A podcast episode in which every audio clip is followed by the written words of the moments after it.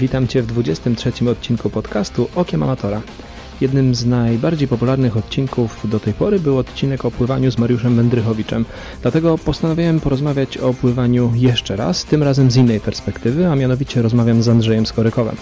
E, zaczynamy trochę nietypowo, bo Andrzej dzieli się swoimi doświadczeniami jako triatlonista i opowiada o swojej karierze triatlonisty, a potem przechodzimy do rozmowy o pływaniu. Andrzej opowiada, dlaczego tak trudno ludziom dorosłym nauczyć się pływać, o tym, jak powinien wyglądać dobry trening pływacki, o tym, czym różni się pływanie w triatlonie od pływania basenowego, a na koniec rozmawiamy sobie o trenerach. Także gorąco zachęcam do wysłuchania tego odcinka. Będzie dużo ciekawych i konkretnych porad. Cześć Andrzeju, witam Cię w podcaście Okiem Amatora. Cześć Andrzeju. Andrzej, e, jesteś już osobą bardzo e, znaną, szczególnie w świecie pływania i zresztą na co dzień to też e, ty zadajesz pytania w Run Forest, więc dzisiaj w troszkę innej roli, bo dzisiaj ty będziesz odpo odpowiadał, a ja będę pytał.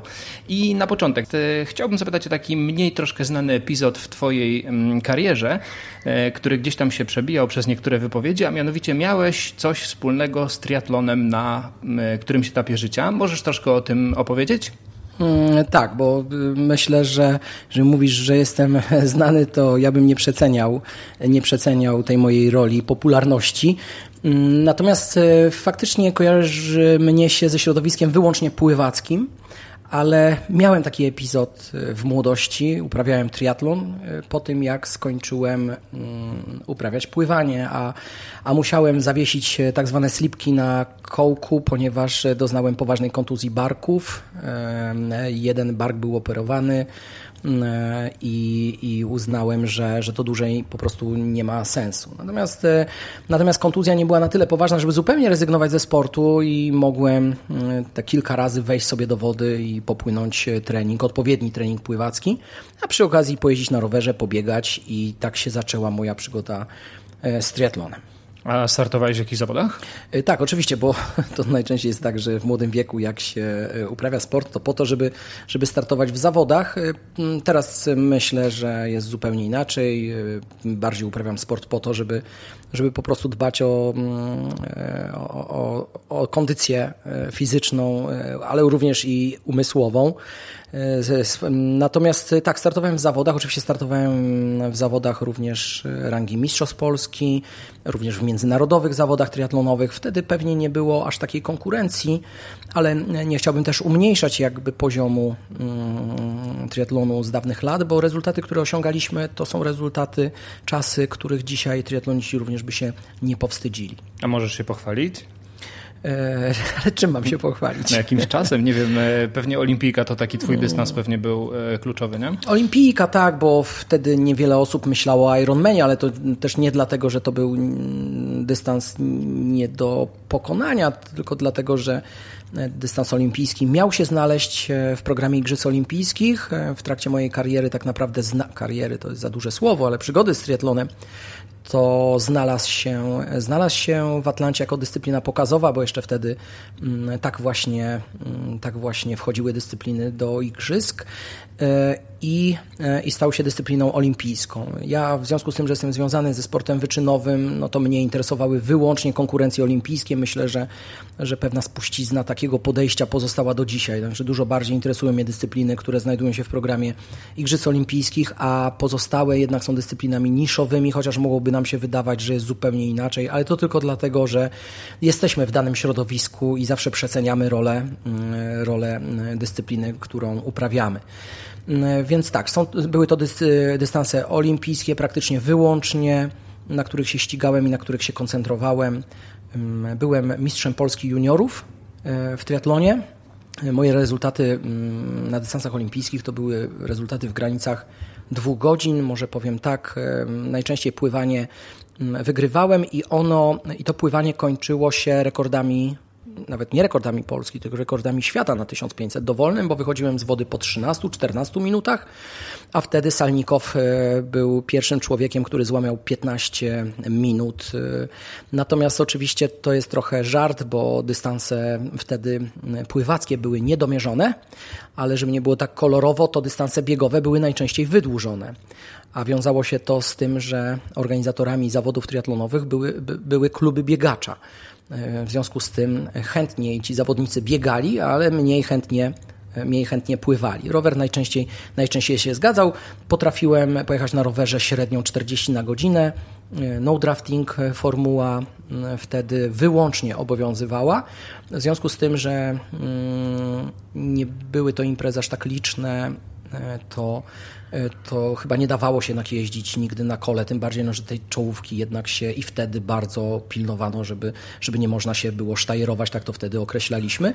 Bieg miałem najsłabszy, moje najlepsze rezultaty na biegu to jest 37-30, mniej więcej w tych granicach 38. Mm. No to, to jest zdecydowanie poniżej 40 na dychę e, w triatlonie. Tak, tylko pamiętajmy też, że ja trenowałem wyczynowo pływanie wcześniej przez kilkanaście lat. To było 14-letnia przygoda z pływaniem. Podczas treningów pływackich, obozów pływackich również trochę biegaliśmy. Mm, no, ja byłem, miałem 11 treningów pływackich tygodniowo po dwie godziny, w tym jakieś siłownie, sprawność ogólna, czy, czy, czy treningi w górach. W związku z tym e, ta moja pompa mm, pompowała, dlatego nie mogłem biegać szybciej, bo nie miałem pewnie jakichś wielkich predyspozycji do biegania, ale ale to przygotowanie pływackie pozwalało mi jeździć na rowerze dosyć szybko i, i, i, poniżej 40 minut, y, poniżej 40 minut biegać. Y, borykałem się z problemami z kontuzjami również, czyli jakby mój układ kostno-mięśniowy no nie jest przygotowany do tego, żeby przyjmować duże obciążenia treningowe i również nie biegałem dużo, ponieważ siadały mi achillesy przede wszystkim achillesy. Kiedy zaczynało się zimno na dworzu, momentalnie dostawałem jakichś zapaleń e, achillesów i, i wracałem do biegania praktycznie, kiedy przychodziła wiosna i robiło się troszeczkę cieplej. Mhm. Znaczy powiem Ci, że tutaj tak naprawdę dwa e, komentarze mi się nasuwają. Pierwszy to taki, że czas w okolicach dwóch godzin na Olimpikę to jest bardzo dobry czas i tak jak powiedziałeś, nawet na e, dzisiejsze standardy to jest na pewno czas, którego większość amatorów, a i pewnie nie tylko, by się nie powstydziło dzisiaj. To po pierwsze.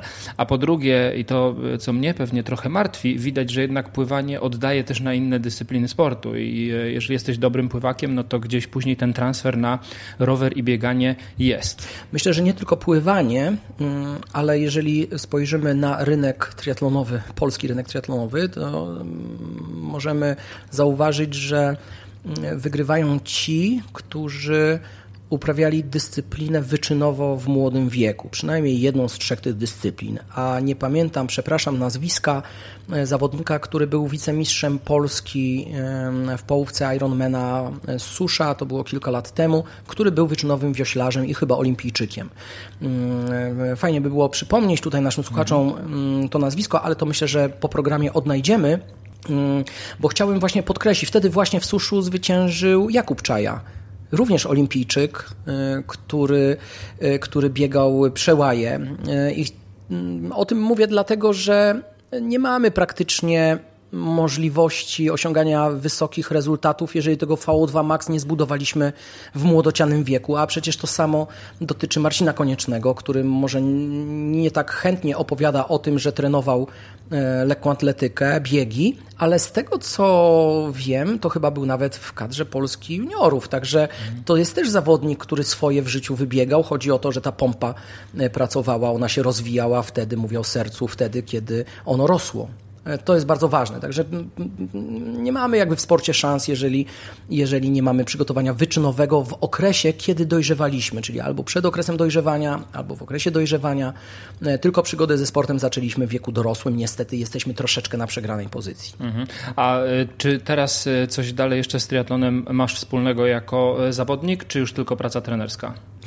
Tylko praca trenerska. Pływa u nas spora grupa triatlonistów, ale mm, nie traktujemy mm, tej naszej grupy jakoś wyjątkowo, to znaczy prędzej grupa musi się dostosować do treningu pływackiego, bo po prostu taka jest nasza filozofia, że jeżeli będziesz dobrym pływakiem, to będziesz dobrym, e, dobrym pływakiem również w triatlonie. Mhm. I do tego jeszcze sobie dojdziemy, bo właśnie ja dzisiaj chciałem e, z Tobą o pływaniu porozmawiać.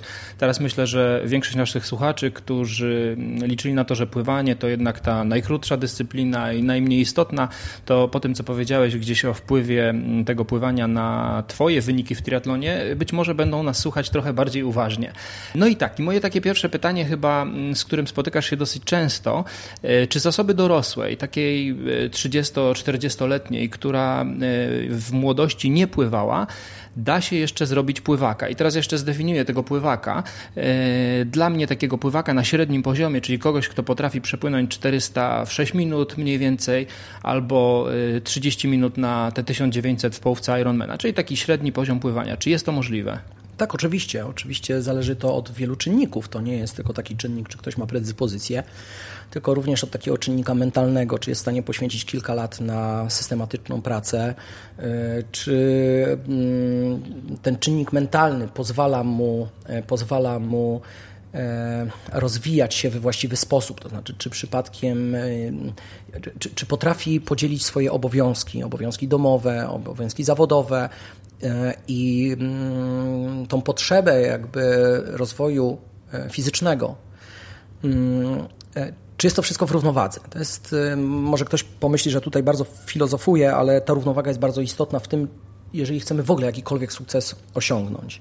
Niestety w, mm, w przypadku e, triatlonistów, ale nie tylko, bo, bo, niektórych osób dorosłych, pływaków, e, zdarza się tak, że dochodzi jakaś, jakaś motywacja zewnętrzna i tak zwane przemotywowanie. Mm, chcą za szybko, e, na siłę, mm, jakieś dodatkowe treningi, czyli bardzo dużo obciążenia, które nie pozwalają na regenerację, na nadwyżkę i te postępy przychodzą wolniej niż u innych i bardzo często rezygnują, bo uważają, że nie są w stanie osiągnąć tych 6 minut na przykład na 400 metrów kraju o których e, powiedziałeś. Ale mm, gdybym nie miał przykładów osób, które przyszły do nas e, w wieku 30 lat uczyć się pływać i gdyby nie osiągały rezultatów poniżej 6 mm, minut, a nawet 5 minut na 400 e, kraulem, to bym, e, to bym prawdopodobnie myślał, że to może być bardzo trudne w dorosłym wieku nauczyć się tak pływać, żeby pływać tak szybko. I to jest moje kolejne pytanie. Czy mamy jakieś takie case study, studium przypadku, e, gdzie przyszedł do ciebie amator, który wcześniej nie pływał zawodowo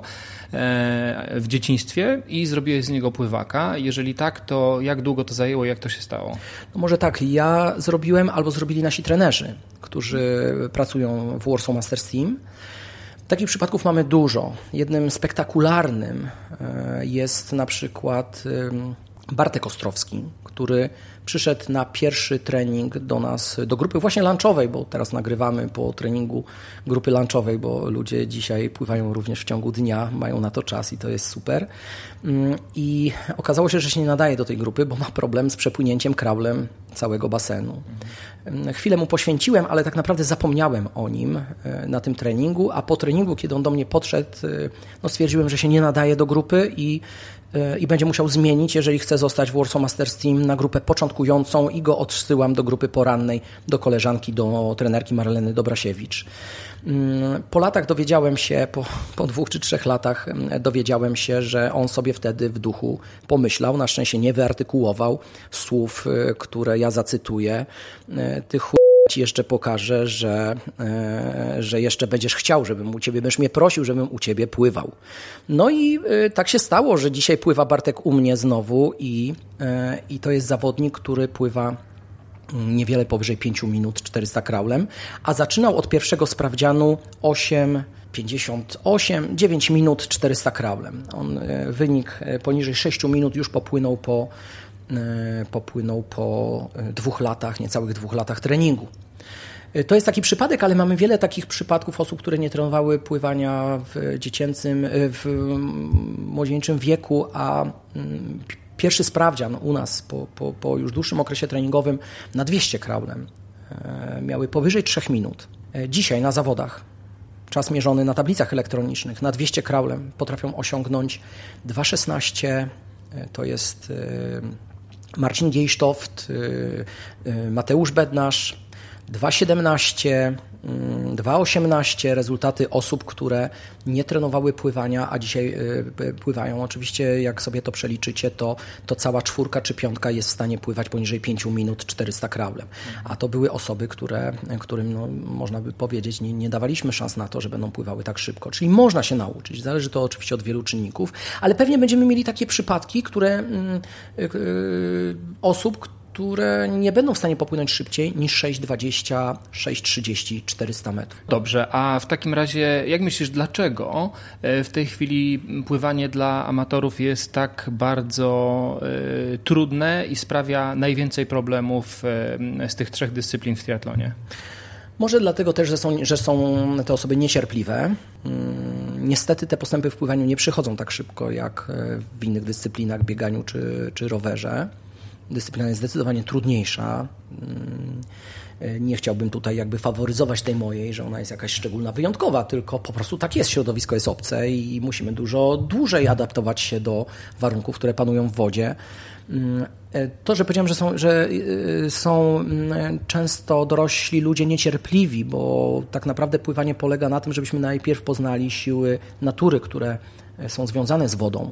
E, czyli to, co robią dzieci. Zobaczcie, jak wolno dzieci uczą się pływać. Ja celowo mówię wolno, wcale nie szybko, bo mm, jeżeli mamy dzieci i prowadzimy na basen te dzieci, to ile czasu te dzieci nurkują, robią strzałki, wygłupiają się i tak dalej, ale to są celowe działania, e, żeby dziecko poznało mm, siły natury związane z wodą. My na to nie mamy czasu. Dzisiaj trenerzy od, e, może niekoniecznie od triatlonu, bo to są moi trenerzy pływania oczywiście, ale triatlonistów uczą czasami w taki sposób, sam byłem świadkiem, wkładają pulboj między nogi, rurkę w usta i po jednej godzinie pokazują mi, jakie mają sukcesy zawodowe, bo osoba była w stanie przepłynąć basen, poruszając ramionami, prawda, w, wkładając rękę do wody, przesuwając ją w tył i, i, i oczywiście się, się te osoby przesuwały, no ale to nie jest nauka pływania i pewnie ta droga w ten sposób będzie zdecydowanie dłuższa. Może krótsza do tego, żeby przepłynąć dystans w triatlonie kraulem, ale zdecydowanie dłuższa do tego, żeby pływać szybko kraulem. E, o tej właśnie, o tym braku cierpliwości mówię, potrzebujemy więcej czasu e, i również postępy, bo pewnie większość osób, które będą nas słuchały, to są triatloniści. Niestety ilość godzin treningowych, obciążeń treningowych jest zbyt duża, żeby następowała kompensacja. Szczególnie w pływaniu ta kompensacja jest potrzebna. Bardzo często obserwujemy, że u zawodnika jest postęp mm, biegowy, jest postęp na rowerze, a nie mamy postępu w pływaniu albo mamy regres. Ten regres najczęściej występuje na wiosnę albo latem, ale najczęściej na wiosnę, wtedy, kiedy dokładamy więcej rowerów, kiedy mm, dokładamy więcej biegu. No i to jest prosta odpowiedź. No jeżeli chcemy się poprawiać w pływaniu, musimy odpoczywać. Jeżeli nie odpoczywamy, to tego postępu nie ma. No niestety ten regres to jest dokładnie mój przypadek, ale to nie będziemy tego analizowali tutaj. No dobra, czyli zdecydowanie potrzeba e, cierpliwości, potrzeba czasu i regeneracji. Wspomniałeś o zawodnikach, którzy potrafią osiągać bardzo dobre wyniki po dwóch, trzech latach. Teraz tutaj nasuwa się kolejne pytanie, e, jak dużo trzeba trenować pływania w tygodniu? Tak mniej więcej, ja wiem, że nie ma jednej idealnej odpowiedzi, ale jaka jest taka rekomendowana ilość, e, żeby to miało sens? Zacząć od dwa razy w tygodniu. Mhm. Dlatego od dwa razy w tygodniu, żeby najpierw polubić pływanie, żeby był głód tego pływania, żebyśmy czekali na tą środę, czwartek czy piątek, kiedy znowu będą te zajęcia, żebyśmy się nie przesycili tym pływaniem, ale również dwa razy w tygodniu, kiedy zaczynamy przygodę z pływaniem, to jest e, taka ilość, która pozwala na kompensację, na tą nadwyżkę, że jak przyjdziemy za trzy dni na trening, to ta nadwyżka nastąpi. E, mm, tutaj przytoczę przykład kursów intensywnych, które organizujemy w klubie, tygodniowych, o zresztą na których byłeś, których byłeś uczestnikiem. E, obserwuję mm, obserwuję osoby na tym kursie. E, jeżeli na kursie mamy mm, pięć treningów, jeden po drugim, to nadwyżka jest oczywiście olbrzymia. Wiedza, którą teoretyczna uzyskują nasi podopieczni na tych kursach jest e, dawką bardzo dużą, Natomiast to nie jest ta sama nadwyżka, co byśmy te pięć treningów, e, półtorej godziny, rozłożyli w czasie. Czyli, trzy tygodnie. Czyli zrobilibyśmy trzy tygodnie. Ta nadwyżka byłaby zdecydowanie większa. Także tu też jest taka podpowiedź i odpowiedź. Oczywiście, kiedy mówimy tu teraz o sytuacji, w której zaczynamy przygodę z pływaniem, czyli nie pływamy wszystkimi stylami, można powiedzieć, e, uczymy się, doskonalimy technikę i poznajemy nowe style, kiedy okazuje się, że ten postęp nam się zatrzymał, ale prosiłbym zostawić e, to ocenie trenerowi, nie samej osobie uczącej się, e, to wtedy powinniśmy zwiększyć. Najlepiej dołożyć jeszcze jedno pływanie w ciągu tygodnia. To może być samodzielne pływanie, pływanie dla fanu, niekoniecznie liczenie basenów, ile to nam się dzisiaj uda przepłynąć, tylko takie właśnie zabawowe, e, żeby wejść ten trzeci raz do wody. W następnej kolejności albo dołożyć czwartą jednostkę, albo wydłużać, e, wydłużać e, trening. A jak to wejść do basenu bez zegarka? Zawsze na basenie jest zegarek taki duży, który wisi na ścianie e, basenowej, często nawet dwa takie wielkie zegary z czterema no, wskazówkami. Działa, tam są cztery wskazówki. No, cztery wskazówki, czyli poprosić trenera, żeby nauczył e, obsługiwać te, ten zegar. Większość triatlonistów to są osoby wykształcone po studiach, często po dwóch fakultetach, znających przynajmniej dwa języki obce. W związku z tym nauka takiego e, zegara powinna zająć niekoniecznie tak jak u nas 2-3 lata u niektórych, ale, ale tak naprawdę 15 minut i, i ogarniamy zegar. Mm, taki, taki zegar nam liczy baseny, jeżeli już przy tym jesteśmy. Maciek Grzywek też nie wierzył, kiedyś kłócił się ze mną, że jak może duży zegar liczyć baseny. Po prostu kiedy robimy nawrót po 50 czy 100 metrach, Zerkamy podczas nabierania powietrza na ten zegar widzimy, w którym miejscu znajduje się wskazówka. No wiemy, w jakim czasie jesteśmy w stanie te 100 metrów przepłynąć. W związku z tym, jak po 400 metrach spojrzymy, e, spojrzymy na zegar e, i w odpowiednim miejscu będzie wskazówka, to będziemy wiedzieli, że mamy te 400 metrów i się nie pomyliliśmy. Poza tym, poza tym musimy kontrolować czas. Zegarki nie powinny nam służyć do mierzenia dystansu. My nie musimy zapisywać dystansu. E, moi drodzy, nie zapisujcie dystansów na etapie nauki doskonalenia techniki. Wystarczy, że zapiszecie czas, y, który przebywaliście w wodzie. Jeżeli efektywnie spędziliście godzinę w wodzie, zapiszcie sobie jedna godzina efektywnego pływania. Y, I to wystarczy. Możecie zapisać sobie ewentualnie ocenę w skali od 1 do 10, jakie odczucie mieliście treningowe, na ile fajnie wam się pływało. Ale nie, nie zapisujcie kilometrów. Kilometry w pływaniu nie mają specjalnego sensu, bo jeżeli macie więcej pływania na nogach, a mniej w płetwach i w, w łapkach, nie wiem, jeżeli w takich łapkach pływacie, no to przepłyniecie dwa razy razy mniej e, kilometrów, ale za to z dużo niższą, wyższą intensywnością, bo, bo nogi często, czy ćwiczenia techniczne kosztują nas zdecydowanie więcej e, energii. Kiedy pływamy ćwiczenia techniczne, kiedyś zrobiliśmy badanie na pływakach Okazało się, że poziom zakwaszenia był w granicach 4 moli, a nawet więcej, czyli e, okazuje się, że ćwiczeniami technicznymi kształtowaliśmy wytrzymałość. I tak jest. Dobra, to już porozmawialiśmy o tym, jak dużo trenować. To jeszcze takie kolejne mi się pytanie nasuwa. Mm, czy lepiej zacząć taką naukę pływając w grupie, czy indywidualnie? Mm, jeżeli ktoś potrzebuje psychologa, bo często to się w dzisiejszych czasach zdarza, to indywidualnie, czyli takiego opiekuna, który tam pogłaszcze, e, porozmawia, przytuli, któremu można się zwierzyć, no to pewnie indywidualne zajęcia. Jeszcze mamy fundusz na to, żeby opłacić takiego trenera, ewentualnie wynajęty tor. Natomiast ja jednak wolę się socjalizować i pływać w grupie, mm, ponieważ na jednych zajęciach naprawdę niewiele ten trener jest w stanie nam poprawić. To znaczy on poprawić, opowiedzieć nam o pływaniu może mnóstwo rzeczy, tylko my nie jesteśmy w stanie ich przyswoić. Także mała uwaga albo kilka drobnych uwag na treningu, powtarzanych przez ileś treningów, da nam oczekiwany efekt. Ale mm, tak naprawdę tych uwag, uwag od trenera może się uzbiera na 10 minut, a może 5 minut całego treningu. Yy, a pozostały czas, kiedy pływamy indywidualnie, to jest tak naprawdę chodzenie trenera po brzegu i wymyślanie, co tu jeszcze podpowiedzieć, żeby ten nasz podopieczny dobrze się czuł, zapłacił za usługę, prawda, a my się nim cały czas opiekujemy. W związku z tym, żeby było ekonomiczniej, ale również ciekawiej, proponuję pływanie jednak w grupie. Mm, bo ten aspekt towarzyski, treningowy jest bardzo istotny. E, sam widzę, dlatego że my tylko w grupach prowadzimy takie zajęcia i widzę, że Mm, dużo większą przyjemnością przychodzimy na zajęcia pływackie, y, kiedy możemy się spotkać z osobami, które lubimy, które dzielą wspólną pasję. Jesteśmy wtedy bardziej zaangażowani w ten trening, możemy podglądać innych, którzy robią od nas coś lepiej, słuchać również uwag trenera w stosunku do osób, które robią coś gorzej i my sami wtedy też możemy jeszcze doskonalić, y, doskonalić tą, tą naszą technikę w sposób y, jeszcze lepszy. Czyli tak naprawdę troszkę wbrew e, intuicji, bo wydawałoby się, że indywidualne lekcje dadzą ci dużo więcej, a z tego co mówisz, to raczej jednak ten grupowy trening powinien być e, korzystniejszy. Wiesz, wiedzy teoretycznej może dadzą więcej, tylko czy my potrzebujemy tej wiedzy teoretycznej? Ja zauważyłem, że ja często mówię moim mastersom, którzy trenują u nas 3-4 lata, że wskazówek technicznych otrzymali od nas co najmniej dwa razy więcej niż wyczynowi pływacy przez całą karierę swoją zawodniczą. Tylko, że nie jesteś w stanie tego wszystkiego przełożyć, tak? przyswoić. Więc tak naprawdę nie ma do końca sensu. Powiem jeszcze jedną rzecz. Jeżeli obserwujecie trenerów, to im starszy trener, tym mniej uwagi zwraca zawodnikowi. Młodzi trenerzy, no nie dlatego, że nie mają mnóstwo energii, potencjału i tak dalej, cały czas poprawiają. Ja taki sam byłem.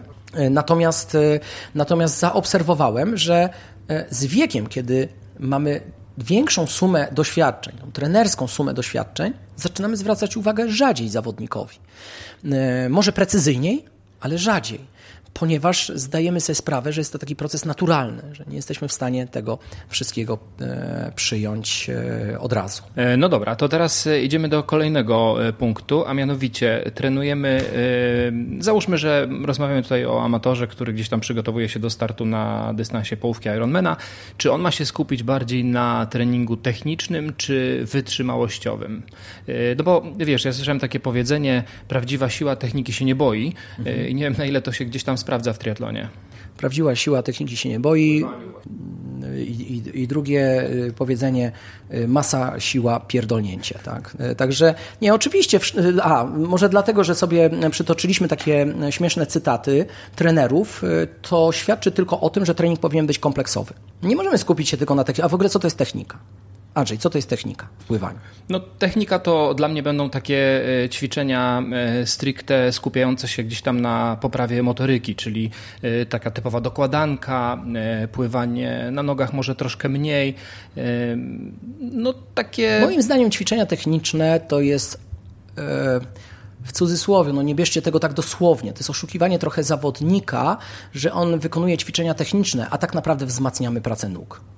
Bo jak e, pływamy ćwiczenia techniczne, które nie wymagają mm, trzymania deski między nogami, to są to wszystko ćwiczenia, które obciążają pracę nóg. Najczęściej to jest tak, że te ręce pracują rzadziej niż kiedy pływamy w koordynacji i bardzo często e, te ramiona są dłużej nad powierzchnią wody niż w przypadku, kiedy pływamy w koordynacji. Czyli proszę zauważyć, że oszukujemy siebie troszeczkę tymi ćwiczeniami mm, często, E, a e, efekt, który ja mm, chcę uzyskać, to to, żeby moi zawodnicy pływali po prostu więcej na nogach, kiedy pływamy ćwiczenia techniczne. Wtedy mi nie jęczą, bo wtedy im się wydaje, że to są ćwiczenia techniczne, e, wtedy im się wydaje, że pływają ćwiczenia techniczne, a tak naprawdę, a tak naprawdę pływają trening, trening nóg a jednocześnie gdzieś tam koordynacyjnie się jeszcze rozwijają. Ja bym z tymi ćwiczeniami technicznymi uważał, one są dosyć modne, mm, zapotrzebowanie na te ćwiczenia jest spore, bo nam się wydaje, że jak kształtujemy technikę poprzez ćwiczenia, to, to jest właśnie ten taki amerykański styl. Jeszcze jak trener nam 10 minut opowiada o tym ćwiczeniu, no to już w ogóle jesteśmy cali szczęśliwi. Nie do końca tak jest, bo ja podam swój przykład. Mój trener znał trzy ćwiczenia techniczne, no ale może dlatego, że ja się uczyłem ponad 40 lat temu pływać. Trzy ćwiczenia techniczne, natomiast mm, nie chciałbym, żebym to też źle zabrzmiało, ale technicznie pływałem zawsze bardzo dobrze i moja przewaga to była technika. W związku z tym ja też jestem zwolennikiem uczenia techniki podczas pływania w pełnej koordynacji. Oczywiście stosuję ćwiczenia techniczne, ale z umiarem. To znaczy, jeżeli mogę coś zrobić, poprawić technikę, kiedy pływamy w pełnej koordynacji, to oczywiście zawsze wybiorę ten sposób pływania.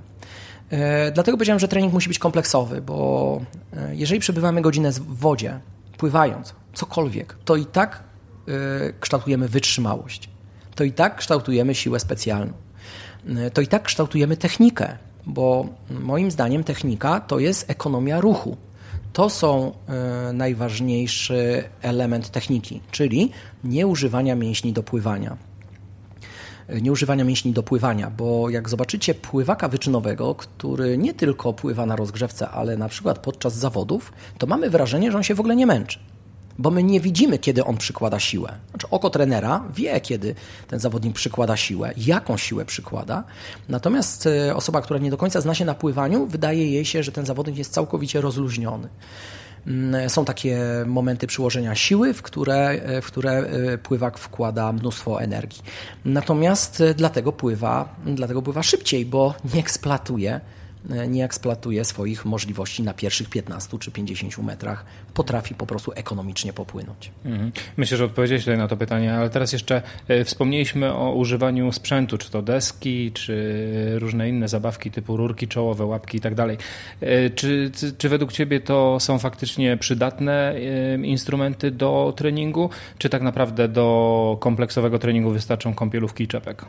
Myślę, że tutaj jest kwestia podejścia trenera, ale jestem zwolennikiem um, oszczędnego używania sprzętu. Znaczy, dla mnie to jest, y, wystarczyłaby deska, mm, na początek wystarczyłaby deska, duża deska, bo tą dużą deskę wolałbym też wkładać między nogi zamiast pulboja. Z taką deską ja sam pływałem. A dlaczego? Dlatego, żeby jednak ściskać nogi podczas pływania. E, czyli żeby te nogi były blisko. Pullboy, szczególnie takie duże pullboy, one często te nogi nam, e, te nogi nam, e, nie chcę powiedzieć rozszerzają, ale załóżmy stopy są szerzej i dzięki temu stabilizujemy bardziej pozycję. Ale ja jestem zwolennikiem jednak tych, tych desek wąskich, dużych, ale oczywiście też pływam z pullboyem, bo ja już lubię czuć komfort. I teraz jak, jak czujemy komfort, no to pewnie też jest dobrze, jeżeli, jeżeli pływamy. Natomiast Uważajmy też z tymi pulbojami, żeby za dużo z nimi nie pływać, bo to my mamy nauczyć się e, ułożenia ciała w wodzie, mm, czyli pozycji w wodzie właściwej, właśnie używania nóg do tego, żeby ta pozycja była właściwa, mm, bo mam wrażenie, że ten pullboy niewiele nam jednak w tym pomoże. Z pullboyem pływam ćwiczenia, w których możemy koncentrować się na pracy ramionami, nad trajektorią ruchu tych ramion. Kiedy, nie wiem, odłączymy nogi, mamy bardziej komfortową pozycję, możemy się na tym skoncentrować, e, ale przede wszystkim do zadań, które mają e, regenerować nas w wodzie. Tak, odciążyć jednak odciążyć, wtedy zadaję ćwiczenia z takim pullboyem. Albo czasami poprawić frekwencję pływania. No ten pullboy podnosi nam biodra do góry, jesteśmy w stanie popłynąć z większą frekwencją, no ale wtedy zadania są albo progresywne, albo e, to jest szybkie pływanie. No nie, no Przepraszam, tak... że na przykład pullboy mhm. bardzo fajnie pomaga przy nauce krabla dwuuderzeniowego. Jest pomocny do tego, żeby żeby się pouczyć. No poczekaj, a w jaki sposób? Bo przy pullboyu przecież nie pracujesz nogami. Mało kto nie pracuje nogami. Znaczy przy pullboyu nie pracujesz nogami, jak założysz taką gumę, opaskę na kostki. E, ja z taką pływałem zawsze. To znaczy, jeżeli trener zadawał mm, pływanie na ramionach, to wkładaliśmy deskę między nogi i opaskę na kostki, żebyśmy tymi nogami nie pracowali.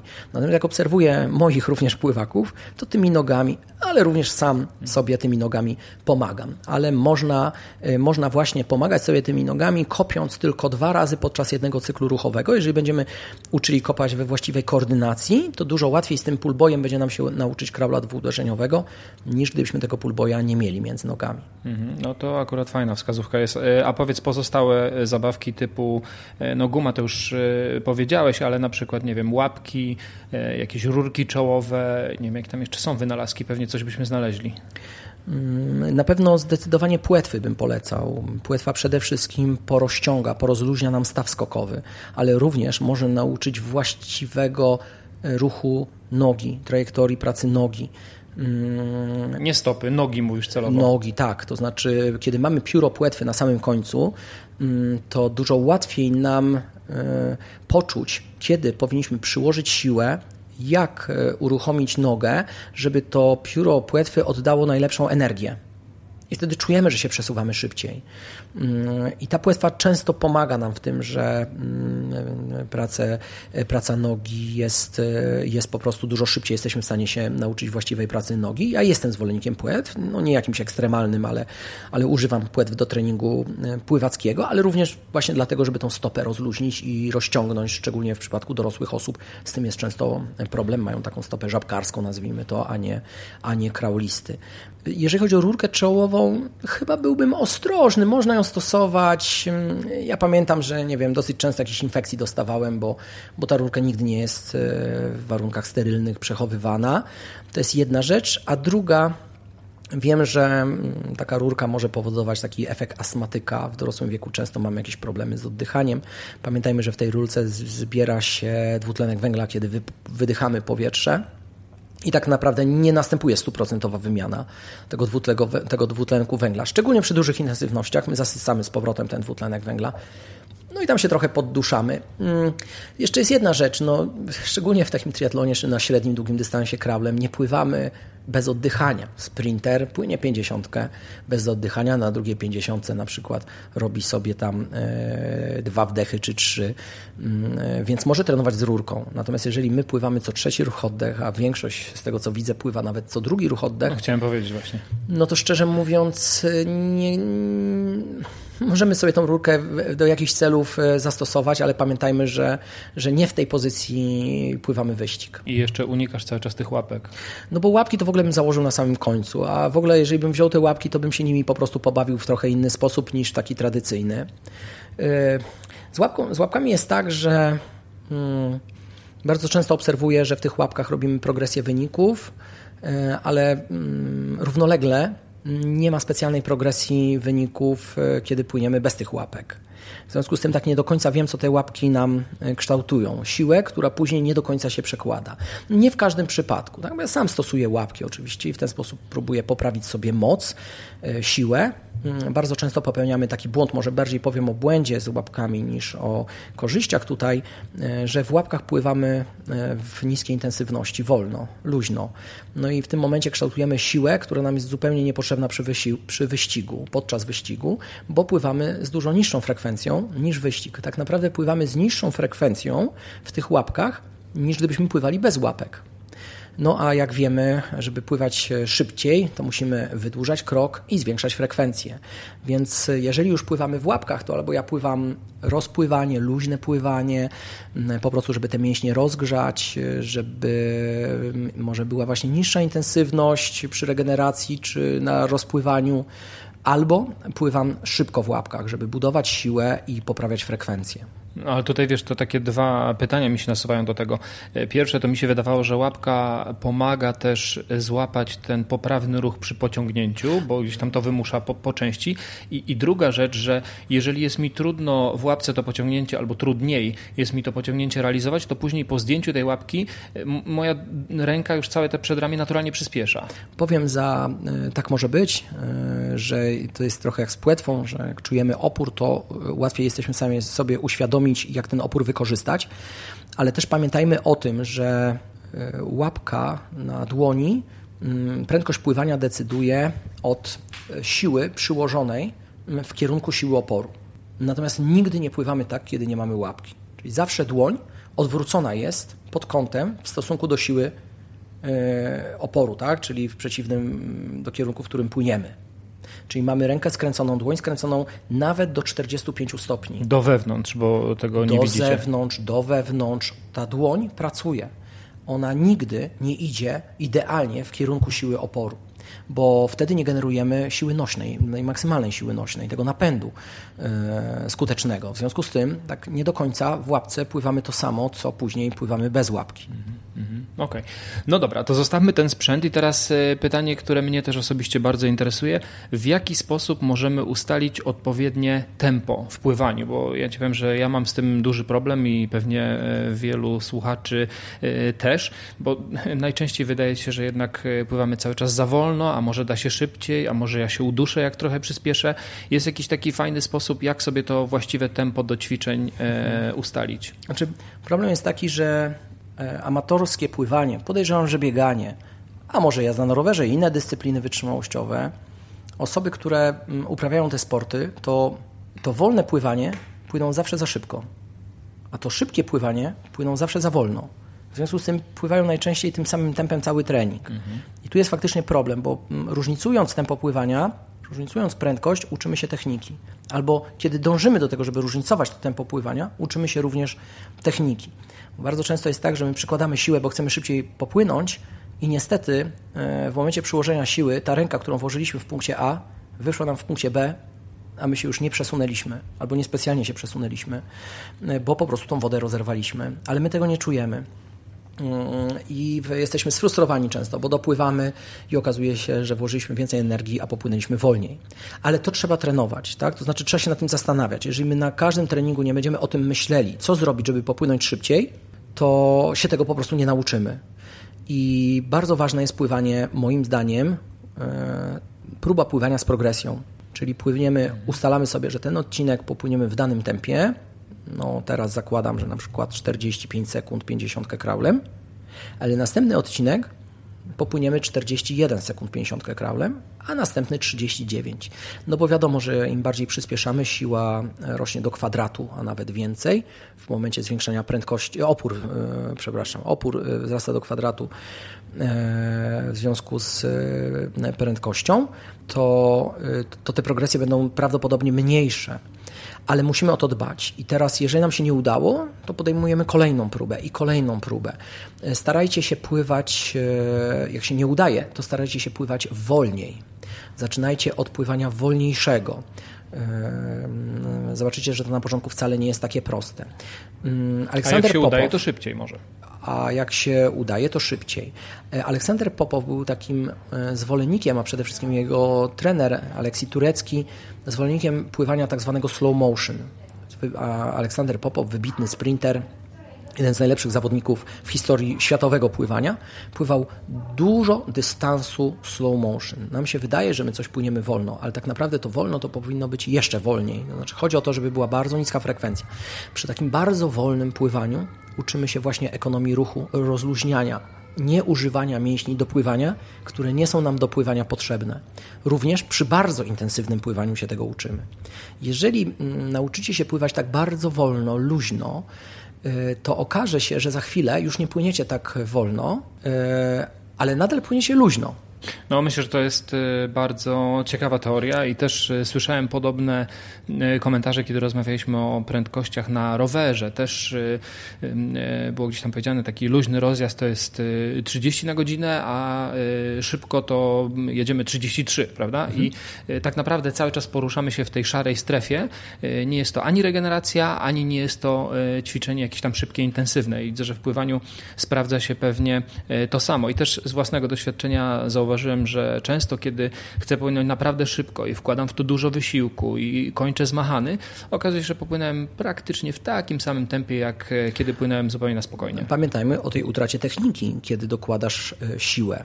Zaczynają się ruchy pionowe ciała, które są bardzo hamujące w pływaniu. E, zaczynasz zwiększać opór poprzez częstotliwość, tak? tarcie woda lubi ciszę. Bardzo rzadko my najczęściej nie potrafimy e, przyspieszyć nie chlapać, tak? albo przyspieszyć i nie uderzać ręką w wodę, czy napowietrzać wodę nogą, uderzać stopą w wodę. Mm, a to są rzeczy, które nas zaczynają hamować, mimo to, że, e, że chcemy popłynąć szybciej i dokładamy energię. Nie mówiąc o tym, że kiedy próbujemy płynąć szybko i zaczynamy nogami e, młócić taką pralkę, no to wtedy naprawdę się zaczyna robić kłopot tlenowo, prawda? Mhm. A szczególnie kiedy na treningach nie używamy tych nóg, bo przeczytaliśmy w książce, że nogi do pływania są niepotrzebne. I pływamy z bojką i z łapkami. Tak. Dobra, e, okej, okay, to omówiliśmy sobie troszeczkę technikę i zabawki. E, to teraz jeszcze e, przejdźmy na chwilę do pływania w triatlonie, albo może powiedzmy sobie pływanie open water, bo tak naprawdę to, to, to jest e, to samo.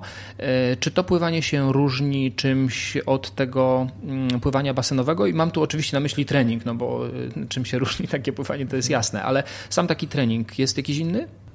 Moim zdaniem to mm, pływać, trenowanie open water polega na tym, że jesteśmy pływakami basenowymi, pływamy treningi wytrzymałościowe, również z elementami szybkościowymi, bo akurat w open water te elementy szybkościowe są nam bardzo potrzebne na finiszu, na boi, na starcie.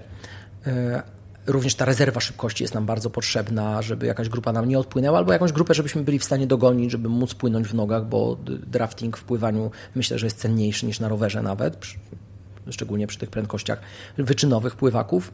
Natomiast mm, jestem orędownikiem, ale myślę, że nie tylko ja, jednak trenowania w basenie. Mhm.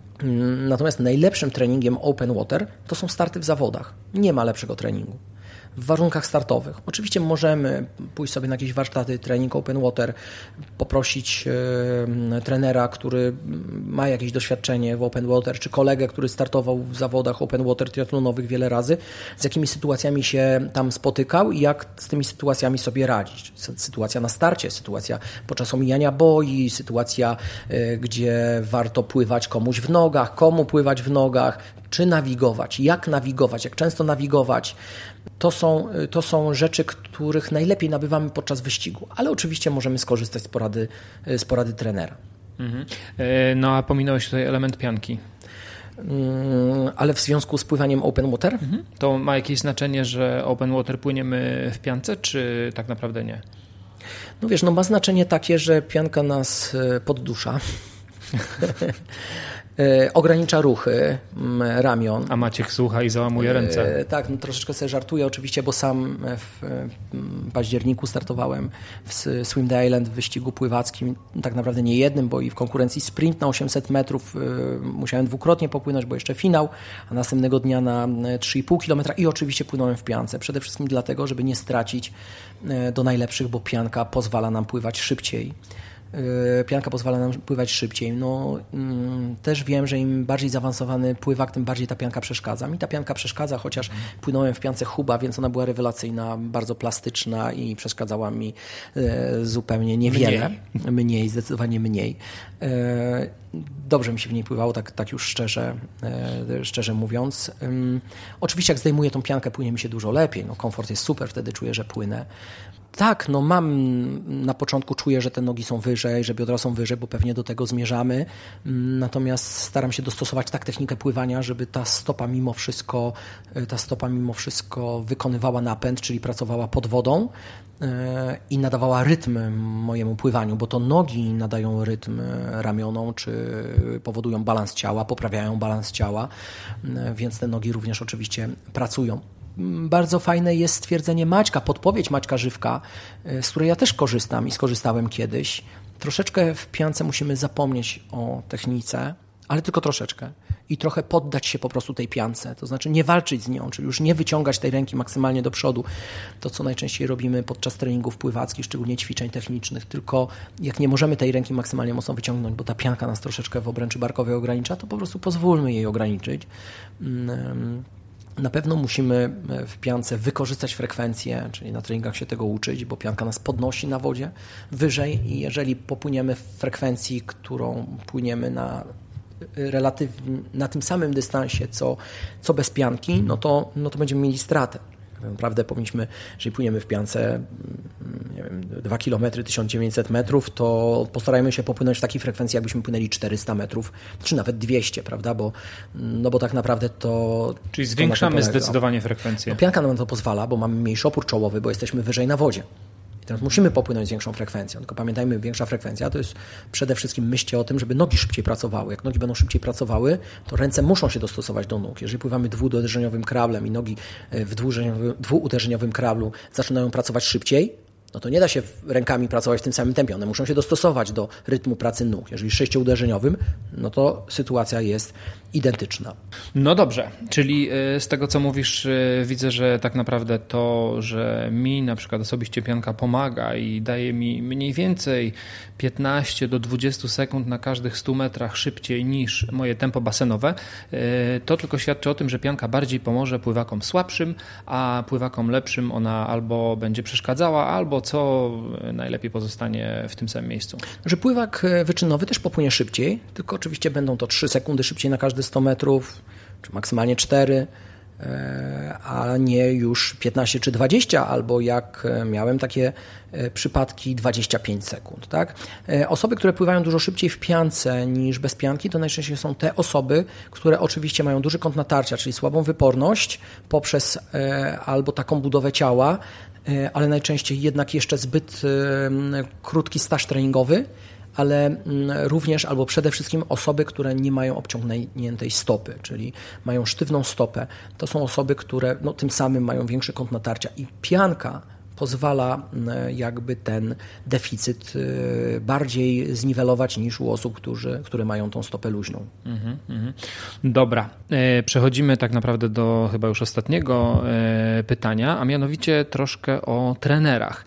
E, no i tutaj takie dwa tematy chciałem poruszyć. Pierwszy to taki, czy trenerzy muszą się cały czas szkolić, samodoskonalić? Czy twoi trenerzy i ty coś jeszcze cały czas robicie w ramach rozwoju, czy wystarczy nabywane doświadczenie doświadczenie mm, z pracą z zawodnikami. E, to po pierwsze. I drugie, e, czy dobry trener równa się dobry pływak? Mhm. To zacznę od drugiego. Proszę. E, na pewno byłemu pływakowi dużo łatwiej jest w pracy trenerskiej, w pracy z podopiecznymi. Mm, z doświadczenia, z obserwacji widzę, ma dużo większą pewność siebie. To pomaga przy prowadzeniu zawodnika, prowadzeniu grupy, po prostu wie o czym mówi.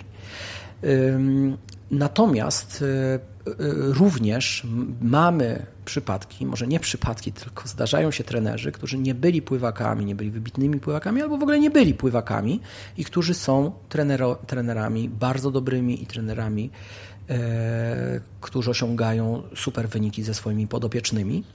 I co więcej, to nie są trenerzy, którzy wyłącznie koncentrują się na pracy motorycznej, budowaniu wytrzymałości poprzez e, odpowiednie e, środki i narzędzia e, pływackie ku temu wymyślone, tylko są często świetnymi specjalistami od techniki. To kiedyś mnie dziwiło, zaskakiwało, że tak się zdarza, a dzisiaj mm, widzę, że bardzo duża ilość trenerów ma olbrzymią wiedzę o technice i jeszcze potrafi tą technikę świetnie, mm, świetnie przekazać. Ale jak to jest możliwe? Bo jeżeli ktoś nie jest pływakiem, to skąd może tak dobrze widzieć i czuć technikę? To jest taki talent, który mają również wybitni zawodnicy, czyli e, jedne, jedni zawodnicy obserwują lepszych od siebie. Po pierwsze, potrafią stwierdzić, kto jest lepszy, kto jest najlepszy potrafią obserwować technikę i później potrafią naśladować. Nie muszą naśladować tej techniki sami jako pływacy w wodzie, ale potrafią naśladować na lądzie. Czyli potrafią pokazać, jaka jest różnica między tym wyczynowym ekstra pływakiem, a tym jego podopiecznym, który jeszcze nie potrafi tego elementu. I potrafią pokazać, do czego e, ten podopieczny ma dążyć, potrafią e, dobrać takie środki, takie narzędzia, którymi doprowadzają do tego, że, że ta technika e, u amatorów czy u początkujących zawodników uczących się pływać staje się coraz lepsza. Mhm. E, czyli tak naprawdę te kursy online na trenera pływania, e, jak najbardziej jest to możliwe. No wiesz, nie wiem, czy sam kurs wystarczy. No myślę, że ten kurs nie wystarczy online. Myślę, że online to może być ewentualnie egzamin, jeżeli ktoś tam bardzo chce. Natomiast y, no, mm, to może przejdźmy płynnie do pierwszego pytania. Pewnie w y, kilku rozmowach y, mogliście już to usłyszeć. Moje pytanie, od, odwrócę sytuację. Czy młody trener może być dobrym trenerem? Jak myślisz, Andrzej? Myślę, że może być dobrym trenerem e, na podstawie tego, co e, powiedziałeś przy mm, poprzednim pytaniu, a mianowicie, jeżeli ma oko, potrafi dobrze e, widzieć i czytać lepszych pływaków, potrafi to później gdzieś tam przekuć na te wzorce ruchowe i pokazać innym, to jest w stanie tą umiejętnością kompensować braki w doświadczeniu? Mhm. To ja powiem tak, że młody trener nie może być dobrym trenerem, jeżeli porównujemy go ze starym trenerem. Dlatego, że dobry trener to suma doświadczeń. Mhm. Ten młody trener zawsze będzie miał mniejszą sumę doświadczeń niż ten stary trener. Oczywiście bardzo często jest tak, że ten młody trener, u nas w Warsaw Masters Team pracuje bardzo dużo młodych trenerów, mają świetną wiedzę, pięć razy większą niż jest potrzebna do trenowania mastersów czy triatlonistów. To wystarcza. Natomiast ich zaangażowanie jest tak duże w stosunku do starszych trenerów, że e, rekompensują jakiekolwiek tam inne e, deficyty. To jest oczywiście moja odpowiedź jest bardzo przewrotna. No dlatego, że mm, wracamy jakby do pierwszego twojego pytania. Trener musi się cały czas dokształcać, czyli zdobywać tą sumę doświadczeń. Ja też już kiedyś o tym mówiłem. Może niektórych zaskoczę tym podcastem, że, że kilka ciekawych rzeczy dotyczących pływania się dowiedzieliście. Mam przynajmniej taką nadzieję, ale dowiedzieliście się dlatego, że ja się również cały czas dokształcam. Znaczy, cały czas rozmawiam ze swoimi kolegami, trenerami, dowiaduję się od nich, podpytuję, jeżdżę na konferencje. Nie przestaję tego robić. Zaczęło się od kompleksu. Ja wróciłem do sportu po przerwie. Nie pracowałem, nie pracowałem w sporcie mm, e, przez pewien okres i miałem kompleks swoich kolegów, trenerów, którzy, mm, którzy już mieli praktykę, już mieli jakąś sumę doświadczeń. Ja musiałem ich dogonić. E, goniłem, goniłem w taki sposób, że się jeszcze nie zatrzymałem, to znaczy uczę się cały czas i oczywiście też wymagam tego od naszych trenerów, od moich innych kolegów, którzy chcą się rozwijać, żeby, żeby cały czas praktykowali. Mhm. No i, i, myślę, że tym optymistycznym akcentem zakończymy rozmowę na dzisiaj i tak naprawdę ja potwierdzam, że dowiedzieliśmy się dużo e, wartościowych rzeczy na temat pływania i mam nadzieję, że słuchacze też się z tym e, zgodzą. E, także moim i waszym gościem był Andrzej Skorykow, prezes założyciel Warsaw Masters Teamu. Dzięki Andrzej. Dziękuję.